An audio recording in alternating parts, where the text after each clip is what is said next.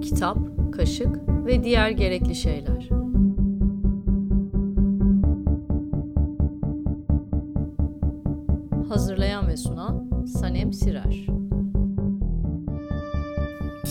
Kaşık ve diğer gerekli şeylere hoş geldiniz. Bugünkü konuğumuz Sibel Oral. Uzun zamandır tanışıyoruz. Nereden başlayacağımı kestirmek kolay değil benim için de ama şimdiden geriye doğru bakalım. K24'ün yayın yönetmenisin. Aynı zamanda uzun yıllara yayılan bir gazetecilik geçmişin var. Onun yanı sıra bir yazar kimliğin var.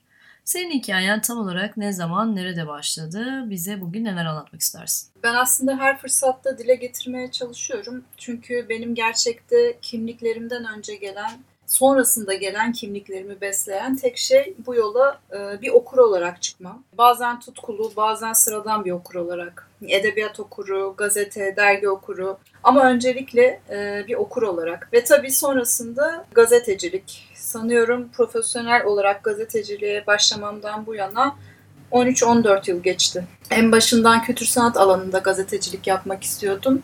Ee, ama oraya gelene kadar haber merkezinden ekonomi ve hatta borsaya kadar birçok alanda çalıştım. Ama her zaman gözüm kendi yaptığım gazete sayfalarında değil, kültür sanat sayfalarındaydı. En nihayetinde de kültür sanat alanında çalışmaya başladım. Başlamadan önce de ilk romanımı yayınlamış, e, hatta ikinciyi de e, bitirmek üzereydim. Beni beklerken. İlki beni İlk beklerken, beni ikincisi Zahir. Zahir. Şu anda e, K24'ün yayın yönetmenliğini yapıyorsun. Ne kadar zamandır? Beşinci yaşına girecek K24 Evet, Şubat mi? ayında beşinci yaşına girecek. Son 10 yıl üzerinden konuşacak olursak matbu dergilerin özellikle bunca zorluk çektiği, kitap eklerinin bir bir kapandığı, kültür sanat mecralarının giderek daraldığı bir ortamda çeşitli nedenlerden dolayı elbette bu şartlar dahilinde K24'ün e, başarısını sen neye bağlıyorsun? E, aslında bakarsan dijital ortamda kültür sanat gazeteciliği yapmak yani harika bir fırsat. Çünkü bugünün Türkiye'sinde matbu çıkan gazetelerin e, kültür sanat sayfalarının durumu malum. Zaten yoklar, azınlıktalar. Her an gözden çıkarılacak ilk sayfalar. Biz K24'ü kurarken e, aslında Yasemin Çongar'ın peşinden ve hatta onun hayalinin peşinden gittik diyebilirim. Benimki de biraz böyle eski kafalılıktı. Yani 5 yıl önceden bahsediyorum. Ben hani e, matbuya yani kağıda düşkün e, bir okurum. Eskiden internet yayıncılığına çok sıcak bakmıyordum. Hani bir okur olarak e, elime almak, işte ne bileyim onunla uyuyakalmak, otobüste onunla beraber gitmek falan istiyordum. E, ama durum ortadaydı. Yani hepimizin e, okur olarak, yazar olarak, gazeteci olarak, yayıncı olarak yaşamak için, nefes almak için, hatta ilk editör yazısında da demiştim, kaybolmak için bir dünyaya ihtiyacımız vardı ve bu alanı, e, bu dünyayı biz dijitalde e, kurabildik. Aslında kolay olmadı. Yani kolay oldu, zor da oldu ama sonuçta güzel oldu. Bugün destekçileriyle, yazarlarıyla, editörleriyle 5 yılda hem kendimiz için, yayıncılık ve edebiyat dünyası için ama tabii ki öncelikli olarak okurlar için 2700'e yakın özgün içeriği olan işte nasıl söyleyeyim yurt dışındaki benzer yayınlarla paslaşabilen ve hatta Eurozine kabul edilen bir yayın olduk. Ve altın çizeyim bunu özellikle bağımsız bir yayın olduk. Burada tabii ki yani bütün bunları ben tek başıma yapmadım. Ekip arkadaşlarımın geldiğimiz noktada çok ama çok büyük payı var. Ee, sevgili Murat Şevki Çoban ve e, Seçil Epik'le buraya kadar geldik ve şimdilik hani e, bu yolda e, fena olmadığımızı düşünüyorum. Bu Eurozin olayından biraz daha bahsedelim. Türkiye'den hangi başka yayınlar var? Varlık Dergisi var, Kogito var. Ee, yani ikisi de matbu. İkisi de ikisi matbu, matbu. evet. Aslında dijital platform olarak evet. siz teksiniz orada. Evet, yani Türkiye'den dijital platform olarak biz tekiz şu anda. Ee, peki mesela K24'ü hiç görmemiş, bilmeyen birine ya da ne bileyim internet, e, dijital ortamla e, çok fazla haşır neşir olmayan birine anlatacak olsan nasıl anlatırsın? E, dijital ortamda pek çok şey takip ediyorum ama K24'ü takip etme biçimim matbu bir şeyi takip edercesine yani gününü bekliyorum. Ne zaman güncelleneceğini orada işte ayırıyorum bazı yazıları saklıyorum vesaire sonra sonra okumak için. Ee, siz yeni yazıları açtığınızda yani tıpkı işte ne bileyim perşembe günü çıkan eskiden mizah dergisi alışkanlığımız varsa o mesela ya da ay başında gidersin takip ettiğin dergini alırsın. O tarz bir sadakat e, beslediğim ve başkalarının da bu, bu tarz bu şekilde takip ettiğini biliyorum siteyi beslediğim bir ortam. Ee, sen bunu nasıl anlatırsın bir başkasına ya da nasıl görüyorsun? Yani şimdi e, sonuçta bir internet sitesi olduğu için şöyle biz aslında yola çıkarken bunu çok tartıştık. Yani her gün mü güncellensin, her gün güncellenecekse kaç yazı girsin, kaç haber girsin, haftalık mı olsun, aylık mı olsun, ne kadar zamanda bir dosya olsun vesaire. E, ama biz e, dergicilik ve hani kitap eki e, geçmişimiz olduğu için okur olarak da aynı zamanda yani bizim için e, sen dediğin gibi mesela bizde Perşembe Cuma günleri işte Radikal'in ve Cumhuriyet'in kitap eklerini e, beklerdik. K24'te de e, bunun olmasını istedik. Yani okur da yani her an bir yazı girebilir. E, hani biz mesela şu anda e, dün işte Küçük İskender'in ölüm haberini girdik. Onun dışında çok böyle hani ölüm ya da ödül haberi olmadığı sürece ne yazı içerik e, ne yazı giriyoruz ne de haber e, giriyoruz. Haftalık, haftalık yani haftalık bir dergi e, gibi düşünüyoruz ve bütün çalışma e, planımızı da e, buna göre yapıyoruz. K24 ile ilgili hani hiç bilmeyen biri için neler söyleyebilirim? Yani K24'ten önce biliyorsun ki hani bu tür oluşumlar her zaman e, reklam verenlerine bir şekilde bağlı bağımlı kalmak zorundaydı. Yani evet. biz dergi yaparken de işte kitap eki yaparken de e, bu yollardan maalesef geçmek zorunda kaldık. E, zorunda kaldık ama çok şey öğrendik tabii ki. E, şimdi K24'te zaman zaman reklam aldığımız da oldu e, ama hiçbir zaman reklama bağımlı olmadık. Galiba hani söyleyebileceğim, e, yani altın çizebileceğim en büyük prensibimiz bu. E, tanıdığımız ve tanımadığımız yazarlarımız var. E, onlardan gelen yazıları e, hani hiçbir zaman Aa, o kitabı mutlaka görmeliyiz anlayışıyla kabul etmedik. Bizim için asıl olan e, gelen yazıda işte bahsedilen yazara ya da kitaba yazan kişi e, ne kadar emek harcadı, ne kadar üzerine düşündü, ne kadar bağlantı landırdı. Metinler ne kadar birbiriyle konuşuyor? Söyleyecek yeni bir şey var mı yazan kişinin? Yani o yazar ya da o kitap o metin üzerine söyleyecek bir şey var mı? Yani bir kitapla ilgili bir tanıtım ya da bir kritik yazısı geldi. Aa bizim de zaten o kitabı görmemiz lazımdı. Basalım gitsin mantığı bizde e, hiçbir zaman e, olmadı yazılar yani ekibimizin bütün editörleri tarafından okunuyor. Hatta yani ben bizim ekibimizi gerçekten çok seviyorum ve gerçekten bu işler bence ekip işi. Yani biz mesela bir yazı bir yazıyı üçümüz okuyoruz. Ee, ben diyorum ki olur diyorum. İşte seçiliyor ki olmaz diyor. Neden olmaz? Çünkü şu şu şu. Murat oradan başka bir şey söylüyor. Yani biz de e, hem editör olarak hem okur olarak o yazının, o kitabın, o metnin, o yazan kişinin zihnin içine giriyoruz ve onun üzerinde çalışıyoruz. Fikir ayrılıklarına düştüğümüz zamanlar da oluyor. Ama bu da bizi besleyen bir şey. Ve e, hani en sonunda bir e, karara varıyoruz. İşte revizeye gönderelim mi, göndermeyelim mi? Revizeye gönderdiğimiz e, çok e, yazı oluyor. E, aklımızda işte soru işareti varsa, eksik yerleri varsa e, ama daha da önemlisi cinsiyetçi, ayrımcı bir dile hizmet ediyorsa editör notları gönderiyoruz. Bunları kabul eden de oluyor bu arada, etmeyen de oluyor. Hı. Etmeyenler hani e, yazılarını geri çekiyorlar. Birazcık okur hakkında konuşmak da isterim. Biz neredeyse her yıl e, okurlarımıza bir anket hazırlıyoruz. Evet. Çünkü tabii ki yazarlar, edebiyatçılar bizi takip ediyor, yayıncılar, çevirmenler bizi takip ediyor. Bunlar tabii ki çok önemli ama hani bu söyleşinin başında da söyledim ya ben okur olarak yola çıktım ve benim ve diğer ekip arkadaşlarım için de hani okurun ne istediği önemli. Okurun nasıl bir okur olduğu, kim olduğu önemli ve biz bu yüzden de her yıl bir okur anketi yapıyoruz. Mesela en son yaptığımız ankette işte 3 büyük şehirden %63'ü erkek, %47'si kadın okuyucumuz olduğunu öğrendik. İşte yaş ortalamaları 30 ile 40 arasında. Yani aslında bakarsan çok böyle e, somut diyaloglarımız yok son 2 yıldır özellikle. Çünkü e, artık sosyal medya var. Yani sosyal medya üzerinden bize e, işte eleştirilerini ya da önerilerini e, iletiyorlar. Ama okurumuzu tanıyoruz. Okurumuz da bizi tanıyor galiba. Ve bu bizim için önemli. Yani biz e, ilk olarak yani bizim önceliğimiz e, okur. Çünkü dediğim gibi her şeyden önce biz de okuruz. Bu yaptığın vurguyu önemli buluyorum. Yani e, okur kimliğinin, yazarlığın, yayıncılığın, gazeteciliğin, e, pek çok şeyin altyapısını oluşturan temel olması, temel temellerinde okur kimliğinin yer alması çoğu zaman da göz ardı edilen bir şey bu aslında. Bu noktada biraz K24'ü bir kenara koyalım şimdilik. Tekrar geri döneceğiz ama sana seni sen yapan kitapların neler olduğunu sormak istiyorum ben. Bütün bunların başında ta en geriye döndüğün zaman hangi kitaplar, hangi kahramanlar, hangi yazarlar e, seni bugün dönüp baktığında bu olduğun yerde olmanı sağlayacak. Yani bu böyle çok büyük büyük söylemek istemiyorum ama Hı hı. e, bir şekilde e, ufacık da olsa bir katkısı olmuş hangi kitapları, hangi isimleri, hangi yayınları, dergileri, belki gazeteleri, hangi işleri görüyorsun, neleri neleri söyleyebilirsin bize? Ya kitaplar evet ama hani e, öncelikle benim hani okur yazar hikayemde önemli olan hep insanlardı. Birincisi babamdı. Yani hani onun sayesinde, onun e, okurluğu sayesinde hani kitabı çok olan bir evde büyüdüm. İşte o zamanlar İstiklal Caddesi'nin başında Cumhuriyet Kitap Kulübü vardı.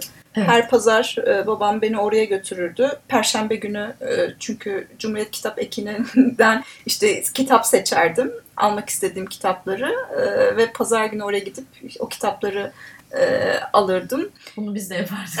Evet, 90'lar. harika bir şey. Yani bence çok çok çok güzel bir anı ve insanı çok büyüten bugüne bizleri aslında bugüne getiren şeyler bunlar bence. Yani hani tabii ki kitaplar oldu hep hayatımda ama dediğim gibi insanlar işte babam e, önemliydi. E, bir de Vedat Günyol e, ismini söyleyebilirim. E, şöyle bir hikaye. Ortaokuldaydım edebiyatı sevmemi bilmesine rağmen müfredat yüzünden beni sınıfta bırakmak zorunda kalmak istemeyen bir edebiyat öğretmenim vardı. Yani e, adamcağız hani edebiyatla ilgili olduğumu biliyor, sevdiğimi biliyor ama okulda olmuyor yani derste bir türlü olmuyor. Bir türlü başaramıyoruz. Yani teneffüslerde her şey hakkında konuşuyoruz edebiyata dair. Ama dersti, sınavdı, sözlüydü. Bir türlü e, başaramadık ve beni sınıfta bırakmak istemiyordu edebiyattan ve e, gazeteci olmak istediğimi de biliyordu. İşte edebiyatla ilgileniyorum, gazeteci olmak istiyorum. O zaman al sana dönem ödevi dedi. Ve bana e, bir yani bir edebiyatçıyla, bir yazarla söyleşi yap dedi ve eğer hani yaparsam ve iyi olursa edebiyat dersinden geçireceğim e, seni dedi. E tabi o zaman daha ortaokuldayım. Zor. yani hiçbir yazar tanımıyorum. E, babama söyledim. O da bana benim arkadaşım var dedi ve bir akşam işte galiba Bostancı'daydı. Vedat Günyol'un böyle tüm odaları kitap dolu dağınık bir evinde buldum kendime. O zaman Vedat Hoca'nın işte bana anlattığı hikayeler, işte kitaplar, işte şu yazarları mutlaka okumalısın dedikleri, işte anıları, kendi gençlik anıları, işte çevirmenliğe, işte yazmaya, etmeye, sokakta yürümek dahil hani öyle şeyler anlattı ki bana ben çok etkilendim. Sonrasında e, onun önerdiği yazarlar işte benim dostum oldu. Onların kitaplarına sarıldım. Ya beni etkileyen yazar ya da kahramanlar sorusuna hiçbir zaman çok net yanıt veremiyorum. Yani kitap okurken, kahramanlarla tanışırken tabii ki beni etkiliyorlar. Onları okuyorum ama hani önemli olan onları okurken bana neler oldu? Ben daha çok onunla ilgileniyorum. Yani tabii ki e, Aylak Adam tabii ki çok etkiledi. Hepimizi çok etkiliyor ama o sırada bana ne oldu? Beni o daha çok ilgilendiriyor. Gençliğimde yani yine de isim veririm ama hani daha gençliğimde işte Doris Lessing'i, işte Sabahattin Ali, Thomas Uyar'ı, işte Edip Cansever'i vesaire hani onları çok okurdum. Yani o böyle hani sarıldığım yazarlar e, diyebilirim ama tabii e, bugün daha başka yazarlar var.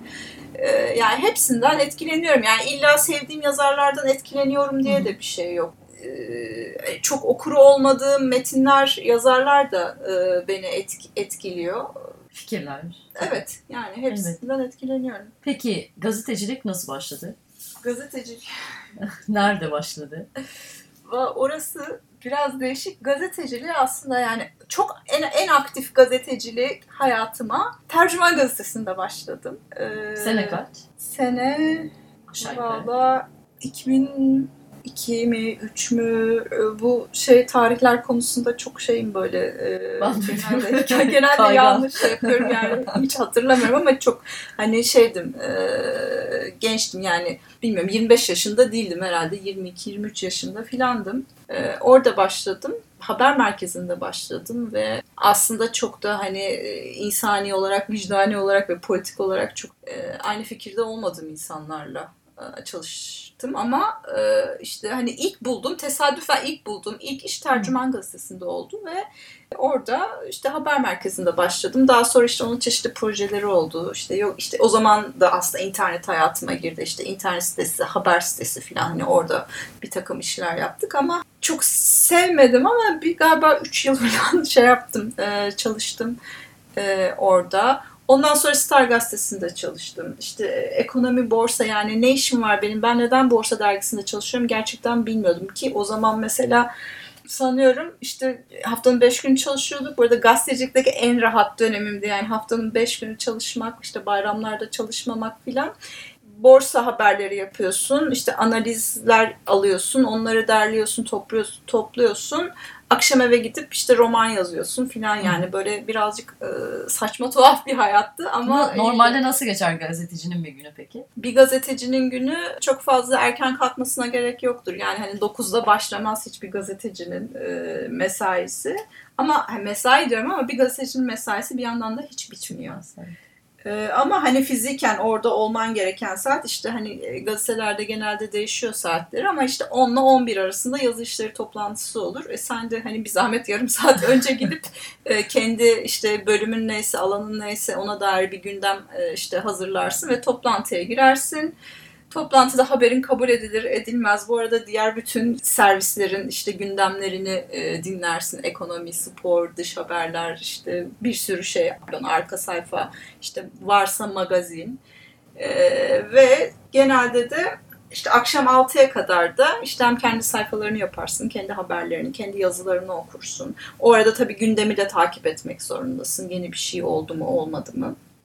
Ve işte akşam da bütün gazetelerde değişiyor bu e, işte taşra baskısı var, şehir baskısı var vesaire.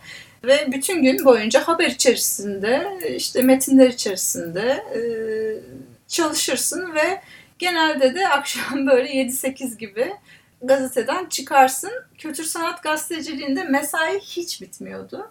Çünkü yani mesela hani oturduğun yani e, şeyde gazete binasındaki işte odanda bölümünde bütün gün oturup nasıl bir kültür sanat gazeteciliği yapacaksın ki yani sergi gezmen lazım, oyuna gitmen lazım, işte basın gösterimine gitmen lazım, müze gezmen lazım, işte arada insanlarla buluşman lazım. Ya mesela biz şeyde e, taraftayken özellikle gazeteyi sayfalarımızı gönderirdik taşraya ve işte bir yerde basın gösterimi var ya da işte konser var, işte oyun var. Oraya gidersin ve orada da şeysin yani aslında orada da mesain sürüyor. Ama bu arada şunun altını çizdim yani kendim için ya da bu alanda çalışan meslektaşlarımın çoğu hepsi arkadaşım zaten e, biliyorum. Kültür sanat gazeteciliği bir iş olarak yapıldığı zaman olmaz. Yani gerçekten e, zaten o dünyanın içinde olman lazım. Şu anda kültür sanat gazetecisi olmayan, alanını değiştirmiş arkadaşlarım var. Hala benden daha çok kültür sanat alanında gazetecilik yapıyormuş gibi işte sergi sergi dolaşıyorlar, işte filmleri izliyorlar, festivalleri takip ediyorlar. Ya bu zaten aslında bir meslekten öte bence çok klişe olacak belki ama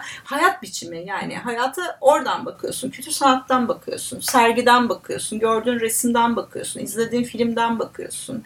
O tiyatro sahnesindeki adamın mimiğini filminden bakıyorsun, okuduğun kitaptan bakıyorsun vesaire. Kültür sanat gazeteciliği aslında benim için ve şu anda hani kültür sanat gazeteciliğini hala yapmak için direnen birçok arkadaşım için bence böyle. Pencere gibi aslında biraz yani ne bileyim mesela sosyoloji okursun ve dünyaya sosyoloji üzerinden yaklaşırsın ya da ekonomistsindir ve ekonomi üzerinden yorumluyorsundur gördüğün şeyleri. Ee, kültür sanat e, öyle bir alan ki işte en son festivaldeki filmleri gitmesen de bilmen lazım ya da çıkan kitapları okumasan da takip etmen lazım. Yani bu bir e, hayatın nabzını oradan tutuyorsun aslında. Kim ne yazmış, ne yayınlanmış, e, tiyatroda ne var, sinemada ne var, e, yeni ne var, yeni ne varı takip ediyorsun ki eskiden olanı, olmuş olanı daha iyi gör, anla veya ne bileyim. Peki bu aslında K24'te bununla ilgili dosya olduğunu da hatırlıyorum gerçi ama yine de sormam lazım. Sonuçta e, biz burada biraz bugünümüzü konuşurken aslında hep e, geçmişimizden yola çıkma ihtiyacıyla Hı hı. cümleler kuruyoruz. Kültür sanat gazeteciliğinden bahsederken bugün dijital ortamda kültür sanat alanında yeni bir şeyler yapmaktan bahsederken biraz da günümüz manzarasını nasıl bulduğunu sormam lazım. Yani burada çok da söylenecek farklı bir şey yok ama nasıl evrildi sence ve değişecek mi, ne olacak ya da Hı hı. Ya bugün hani kültür sanat gazeteciliği yok diyemem. Çünkü bu alanda hala aktif e, olarak çalışan meslektaşlarıma haksızlık olur. Var tabii ama eskisinden daha ağır ve e, bence yalnızlaştırılmış durumda. E, şöyle düşünüyorum. Biz mesela Mehmet Güreli ile günlük yani haftalık ya da aylık değil günlük kültür sanat eki çıkarıyorduk. Yani gerçekten inanılmaz bir Tarafta. şey. Bugün, evet bugün Hı hı. bu yani bugünün Türkiye'sinde baktığın zaman her açıdan günlük kültür sanat eki çıkarmak bence gerçekten hani çok önemliydi ve buradan geldik Ee, ve radikal cumhuriyet keza her zaman çok iyiydi. Biz aslında birbirimizin rakipleriydik. Ben mesela her sabah gazeteye gidip işte cumhuriyet ve radikali elime alıp bakayım düşmanlarımız neler yapmışlar falan derdim. Yani tabii bu aramızda bizim bir geyikti. Çünkü yani biz hani birbirimize paslaşıyorduk da birbirimize yardım da ediyorduk. Yani hepsi arkadaşımızdı.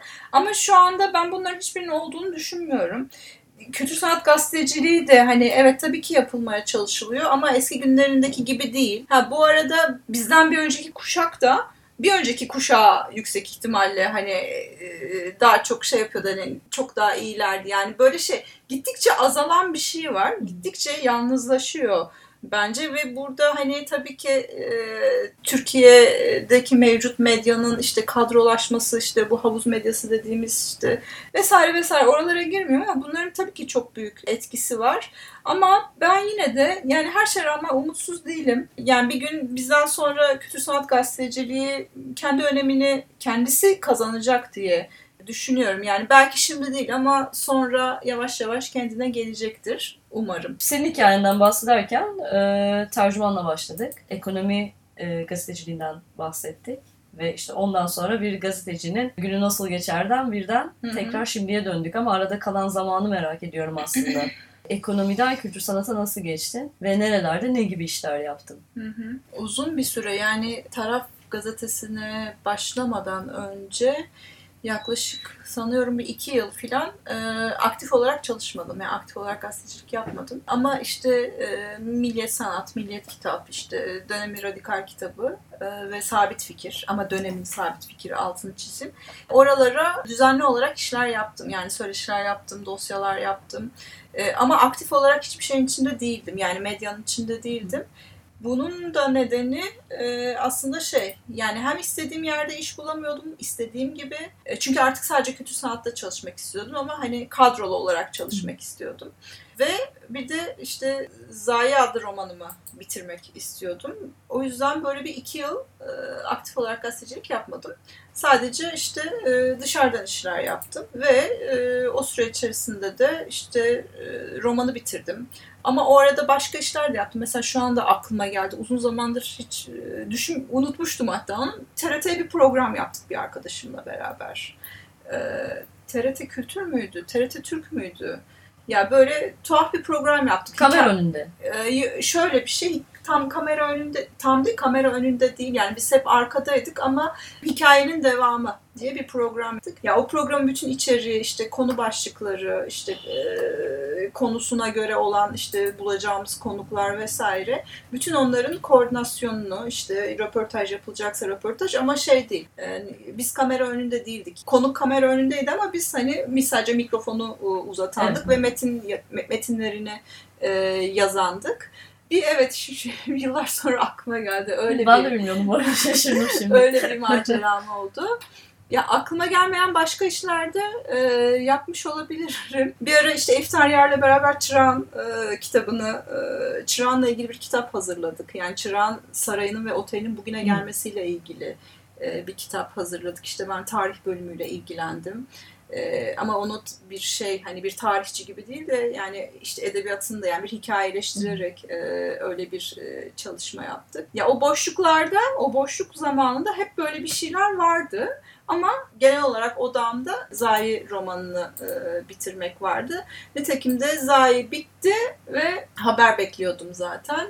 Taraf Gazetesi'nden Mehmet Gürel tarafından çağrıldım. Ee, onunla birlikte çalışmaya başladım. Kaç sene çalıştın tarafta? Tarafta dört buçuk sene çalıştım. Yani sanki mesela bana da çok uzun bir dönemmiş gibi geliyor ve sen şimdi böyle deyince yani taraf kitap, radikal kitap, cumhuriyet kitap e, hepsi yayında iken çünkü yavaş yavaş azalarak e, ayrı zamanlarda faaliyetlerini durdurup değiştirip dönüştürüp Hı hı. farklı şeyler yaşadılar. Hepsi yayındayken çok çok zengin aslında hayatımız. Yani bir Evet, hafta içerisinde bir- evet. bir, bir sürü kitap ki okuyoruz işte bir şeyler yani şu, şu anda daha bölünük gene dediğin doğru. Yani biz yaptığımız şeyi yapmaya devam ediyoruz. Ve buralarda içerik üreten, buralarda yaz, yazan, çalışan insanlar onlar da bir kısmı en azından halen yaptıklarını yapmaya devam ediyor ama çok daha bölünük ve daha kopuk sürdürüyoruz yaptığımız Evet, takibi. Bir, evet, bir, bir evet, açıdan kesinlikle. öyle e, herkes kendi köşesine çekilmiş gibi aslında. Evet, gazetecilik haricinde yazar kimliğine de öne çıkıyorsun. Ve işte bu Zayi adlı romanından bahsettiğin Turkuaz yayınlamıştı o dönem değil Hı mi? hı. Evet. O Ee,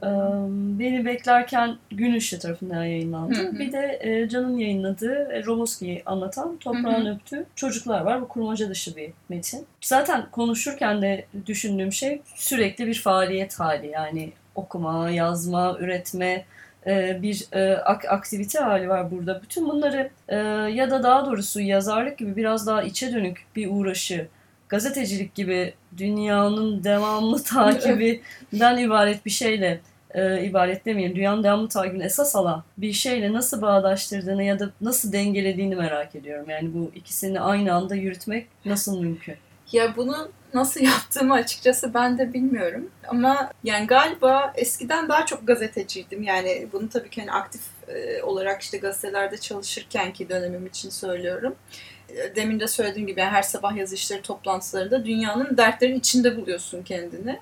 Ama son zamanlarda ya özellikle son 3 yılım 3 yılımda çok gazeteci değilim açıkçası. Bu o yüzden bu sorunun yanıtı aslında bende hiç de olmadı. Fakat şöyle şeyler söyleyebilirim. Mesela Roboski'yi anlatan işte Toprağın Öptüğü Çocuklar kitabını yazmaya karar verdiğim ve işte o bölgeye gidip oradaki insanları nasıl yazacağımı düşünürken bu seni sorduğun soruyu ben de kendime çok sordum. Çünkü yani ben oraya ne gazeteci ne de yazar yazar olarak gitmiştim. Ama aslında iki roman yazmıştım.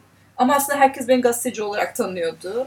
Zayi aslında Büyüken'in yaşadığı bazı dönemlerin insanlar üzerinde bıraktığı etki üzerineydi. Yani orada da gazetecilikten etkilendim mi etkilenmedim mi gerçekten bilmiyorum. E, İlk roman çok bireysel bir anlatı, bir gençlik romanı, bir intihar romanı. Hani orada kesin etkilenmemişimdir diye düşünüyorum. Çünkü onu zaten çok gençken e, yazmıştım. Kaç yaşındaydın ilk romanı yazdın? E, yazmaya başladığımda diyeyim sanıyorum 17 yaşındaydım.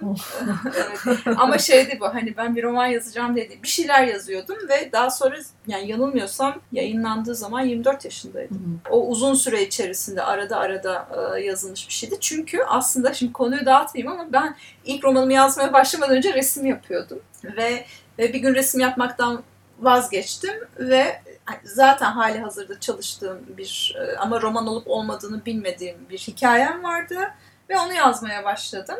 Neyse konuyu hani çok dağıtma, Artık resim yapmıyor musun? Artık ı-ı, yok. Tamamen hayır. bırak. Evet tamamen bıraktım. Yani çok uzun zamandır e, yapmıyorum. Hani bir gün yapar mıyım bilmiyorum. Bazen çok istiyorum. Hani kızım resim yaparken çok böyle şey oluyor. Benim içim gidiyor. Acaba ona bir küçük, bana da bir büyük tuva, şey şövalye mi alsam diye arada düşünüyorum ama hani bilmiyorum ama çok uzun zamandır yapmıyorum. Bir e, dürtüyle mi bıraktın yoksa bir kararla mı bıraktın? Bir kararla bırak. Ya aslında her ikisi de belki tam emin değilim bundan. Yani benim orada şey böyle hani kendimin kendimi de çözem, çözemediğim bazı şeyler var. Bir süre sonra çözeceğim yüksek ihtimalle. Belki yine yapmaya başlarım ya da bir tercih yaptım ve yazmaya Hı. karar verdim. Hani resmi bırakıp ama yani o kadar bırakmalı mıydım? O kadar mı elveda demeliydim? Bu orada bir sorun var bence yani ya da neden o kadar elveda dedim? Onu gerçekten ben de e, henüz bilmiyorum. Çok da üzerine düşünmedim açıkçası. E, şimdi mesela e, hani tekrar yazdığım, çalıştığım kitaplar anlattım. Şimdi de şu anda yazdığım, yazmaya çalıştığım kitabı anlatayım. Hani orada da çünkü işte gazeteci miyim, yazar mıyım, neyim onu düşünüyorum ama aslında çok da düşünmüyorum. Şimdi üzerine çalıştığım kitap aslında tam anlamıyla bir gazetecilik kitabı. Yani bir gazetecinin, tırnak içinde bir gazetecinin yazmak isteyebileceği bir kitap. Çünkü böyle hayat boyunca ünlü fetişlerinden kaçan, işte gazetecilerden kaçan, kendine kimlikler yüklenirken e, tüm o kimlikleri e, reddetmiş bir adamın hikayesinin peşine düştüm. Ve e, bunu yazmaya başladığım zaman da işte adamın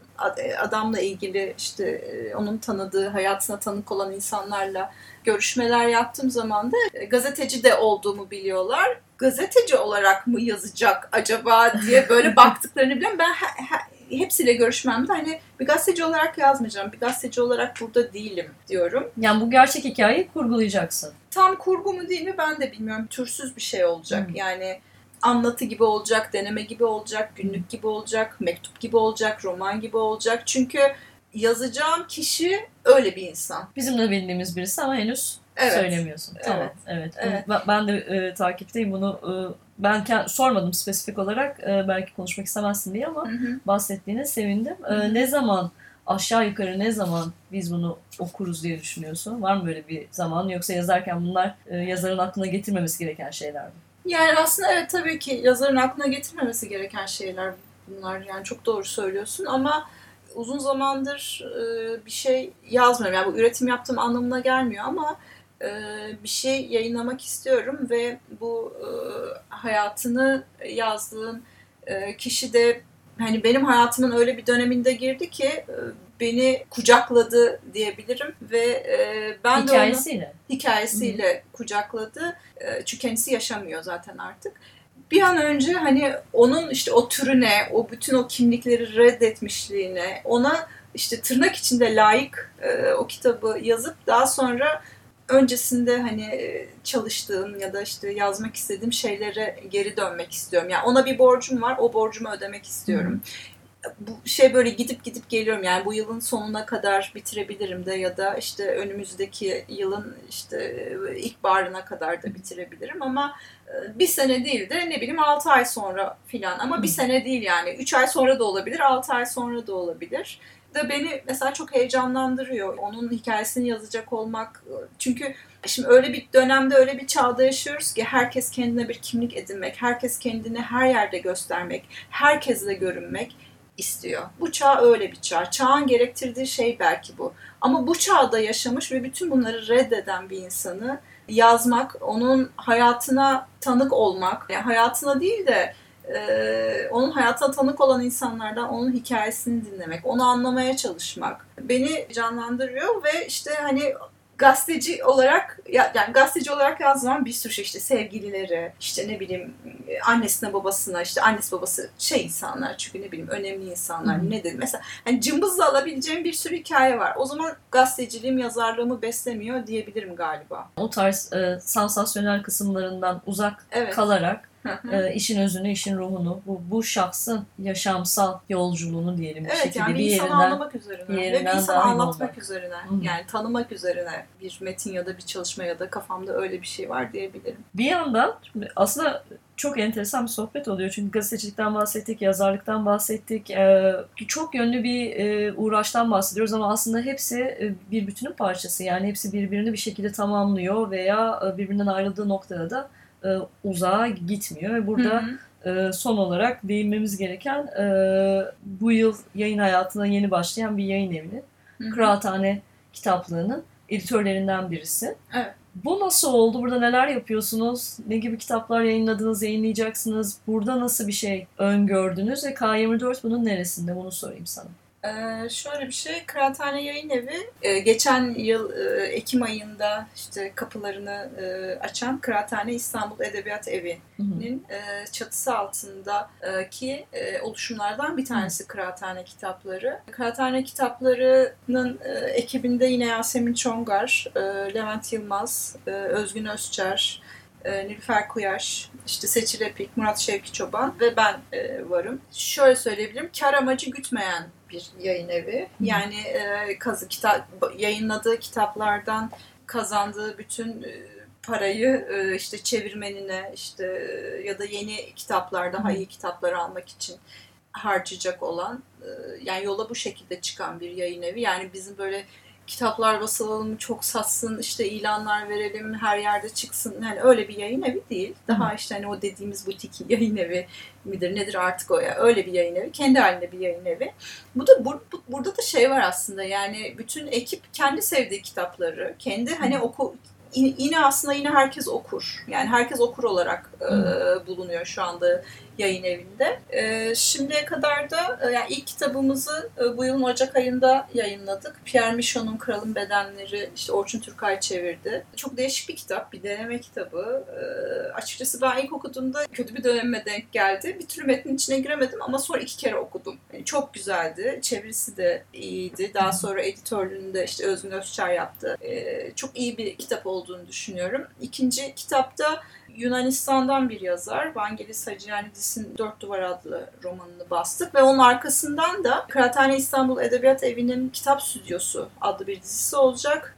O, onun ilk e, kitabı olarak da işte Gaye Boralıoğlu'yla e, Ümit Kıvanç'ın konuşmalarından yani haysiyet üzerine e, konuşmalarından olan bir kitap bastık. E, haysiyet isimli. Ee, üçüncü kitabımız da oldu. Bu yaz boyunca kitap yayınlamayacağız artık. Haysiyet yeni baskı yapmış diye okudum. Ha, bu arada evet Tebrik Haysiyet de bu hafta e, ikinci e, baskısını yaptı. Biz de çok mutlu olduk. Yani aslında bu şeyin göstergesi yani insanlar böyle şeyler okumaya ne kadar e, açlar, ne kadar çok istiyorlar. E, o yüzden yani haysiyet üzerine e, bir metnin yani bir konuşmanın bu kadar çok ilgi görmesi e, bizi gerçekten çok mutlu etti dediğim gibi yaz boyunca kitap basmayacağız. İşte Eylül'den sonra çıkacağımız, e, çıkaracağımız kitaplar arasında Linda Bostrom Knausgaard'ın işte Helios Felaketi var. Yine Michon'un e, bütün kitaplarını aldık bu arada. Yine Michon'un bir kitabını e, çıkartacağız.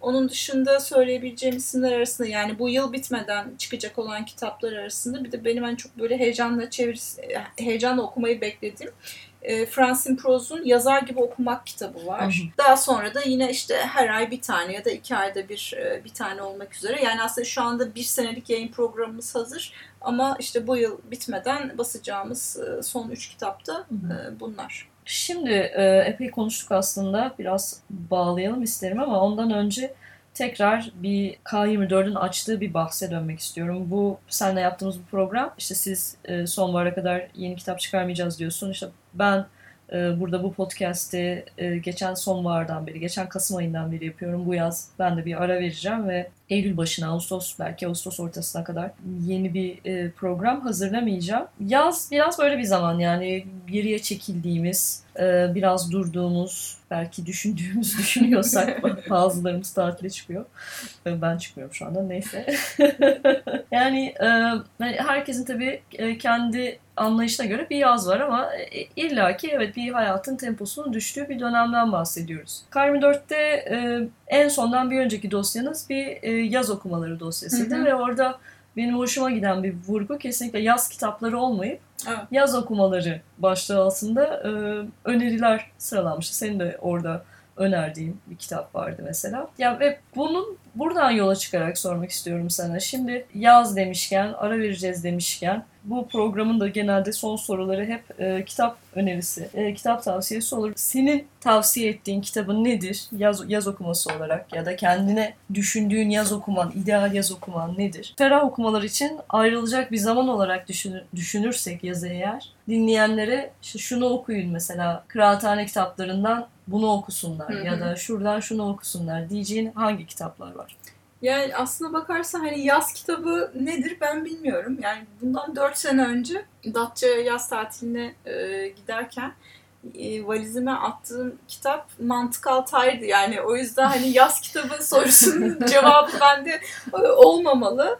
E, ama ben mesela bu yazın başında diyeyim Su Kürünü okudum ve çok etkilenmek, o etkilenmek ya da e, ya da ilk hani e, yazarın ilk romanı ve bence çok cüretkar, çok cesaretli biri. Yani bu geçen gün Burcu'yla konuşuyorduk. Yani bu son dönemde e, dünya edebiyatında çıkan ilk romanlar özellikle kadınların romanları e, çok e, kışkırtıcı e, anlatılar içeriyor. Sukürü de bence bunlardan biri. Keşke şey dedim aslında kitabı bitirdikten sonra hani biraz daha e, hani geniş zamanda okusaydım. Çünkü bir de böyle hani o kadar ben nasıl iştahla okudum yani sayfalarını iştahla çevirdiğim bir roman oldu. Bağlar romanını aslında kışın okumuştum ama su küründen sonra e, onu da okumak istedim. Çünkü bence birbiriyle konuşan metinlerdi. Bağlarla su kürü romanı. O yüzden Bağlar'ı te- tekrar okudum. Bizim Kalmiyot yaz okumaları seçkisinde de işte benim e,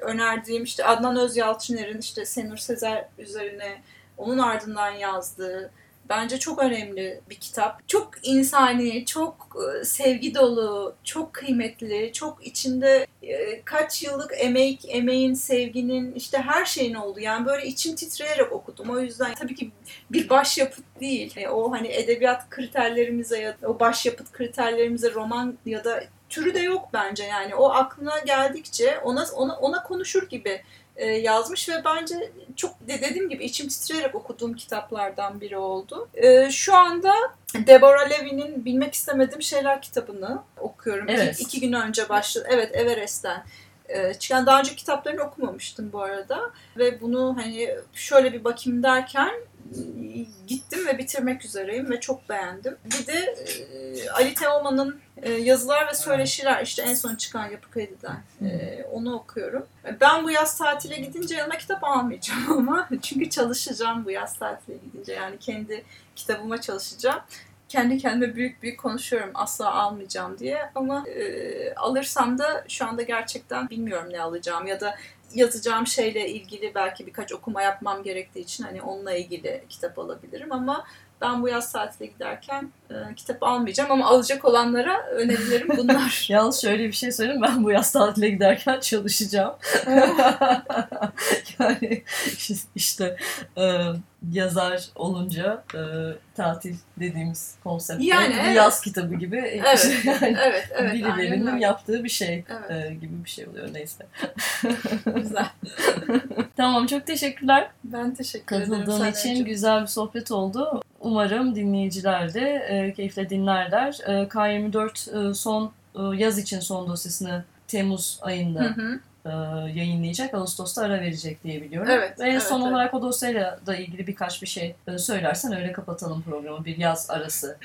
Evet, e, şimdi e, dosyamızın adı kendine ait bir zaman. E, Virginia Woolf'un işte kendine ait bir odanın işte 90. e, yılı bu sene. Ama biz e, sevgili Irmak Zileli ve Sibel Yükler'in önerisiyle ve bir süre işte bu konu hakkında e, yazıştık. Kendine ait bir oda mı, zaman mı, sadece zaman mı, zihin ne olacak, işte beden ne olacak, işte bu eri zihniyet ne olacak vesaire vesaire böyle kendi aramızda yazışırken böyle bir dosya çıktı. Ve üç tane yazı var dosyada işte Oy- Oylum Yılmaz'ın, Pelin Buzluğ'un ve Irmak Zileli'nin yazıları var. Ee, aynı zamanda da büyük bir soruşturma var. Yani büyük dediğim şöyle 16 tane kadın yazarı dörder tane soru gönderdik. Yazmak için, üretmek için, düşünmek için, kendileri olmak için, kendi dillerini kurmak için, kendi dillerini yıkmak için neye ihtiyaçları var? Yani ihtiyacı e, ihtiyaçları olan şeyleri almak için aslında ihtiyaçları olan şeyleri, onlara zaten ait olan şeyleri almak için neden mücadele etmek zorundalar? Ve soruşturma aslında bugünün Türkiye'sinde, aslında geçmişte de öyle yani kadının, kadın yazarın gerçekten hele ki ne bileyim evliyse, çocuğu varsa, yalnız anneyse zaten yazılara bakıldığı zaman hepsi anlaşılıyor. Gerçekten her zaman mücadele etmek zorunda ve soruşturmaya katılan birçok kadın yazar da bunu açık yüreklilikle kendi hikayelerini, başlarından geçeni, hala yaşadıklarını e, çok net bir şekilde anlatmışlar. Ben gelmeden önce e, bizim editörlerimizden Murat Şevki Çoban dedi ki bu e, dosyanın işte soruşturma bölümünde özel bölümü için özellikle işte edebiyat tarihine e, geçmesi lazım o soruşturmaya verilen yanıtların dedi. Ben de ona şey dedim edebiyat tarihine erkekler yazarsa bunlar geçmezler dedim. Ee, birazcık bütün bunlara karşı duran kadınların e, ya da sesini çıkarmak isteyen, sesini yükseltmek isteyen kadınların yer aldığı bir dosya oldu. Murat alınmasın ama bizden ekip olarak kadınların e, çoğunlukta e, olduğu bir ekibiz. Bu dosyayı gerçekten yaptığımız için de mutluyum. Hani edebiyat tarihine geçer mi geçmez mi onu bilmiyorum. Ama en azından e, biz kendimiz ve kendimiz gibi olanlar için iyi bir şey yaptığımızı, birilerinin hayatına değebildiğimizi, yazarlarımızın hayatına değebildiğini, herkesin hikayesi o soruşturmadaki yanıtlarda aslında birbirine o kadar çok değiyor ki aslında herkes o kadar çok aynı şeylerle mücadele etmek zorunda ki yani içinde yayıncılık piyasası da var, her şey var yani dosyada aslında. Ee, yaşatanların önünde bir tablo var şu anda. Bence oraya baktıkları zaman kendilerini de görüyorlardır. Umarım görürler. Teşekkürler geldiğin için. Ben teşekkür Dinlediğiniz için teşekkürler.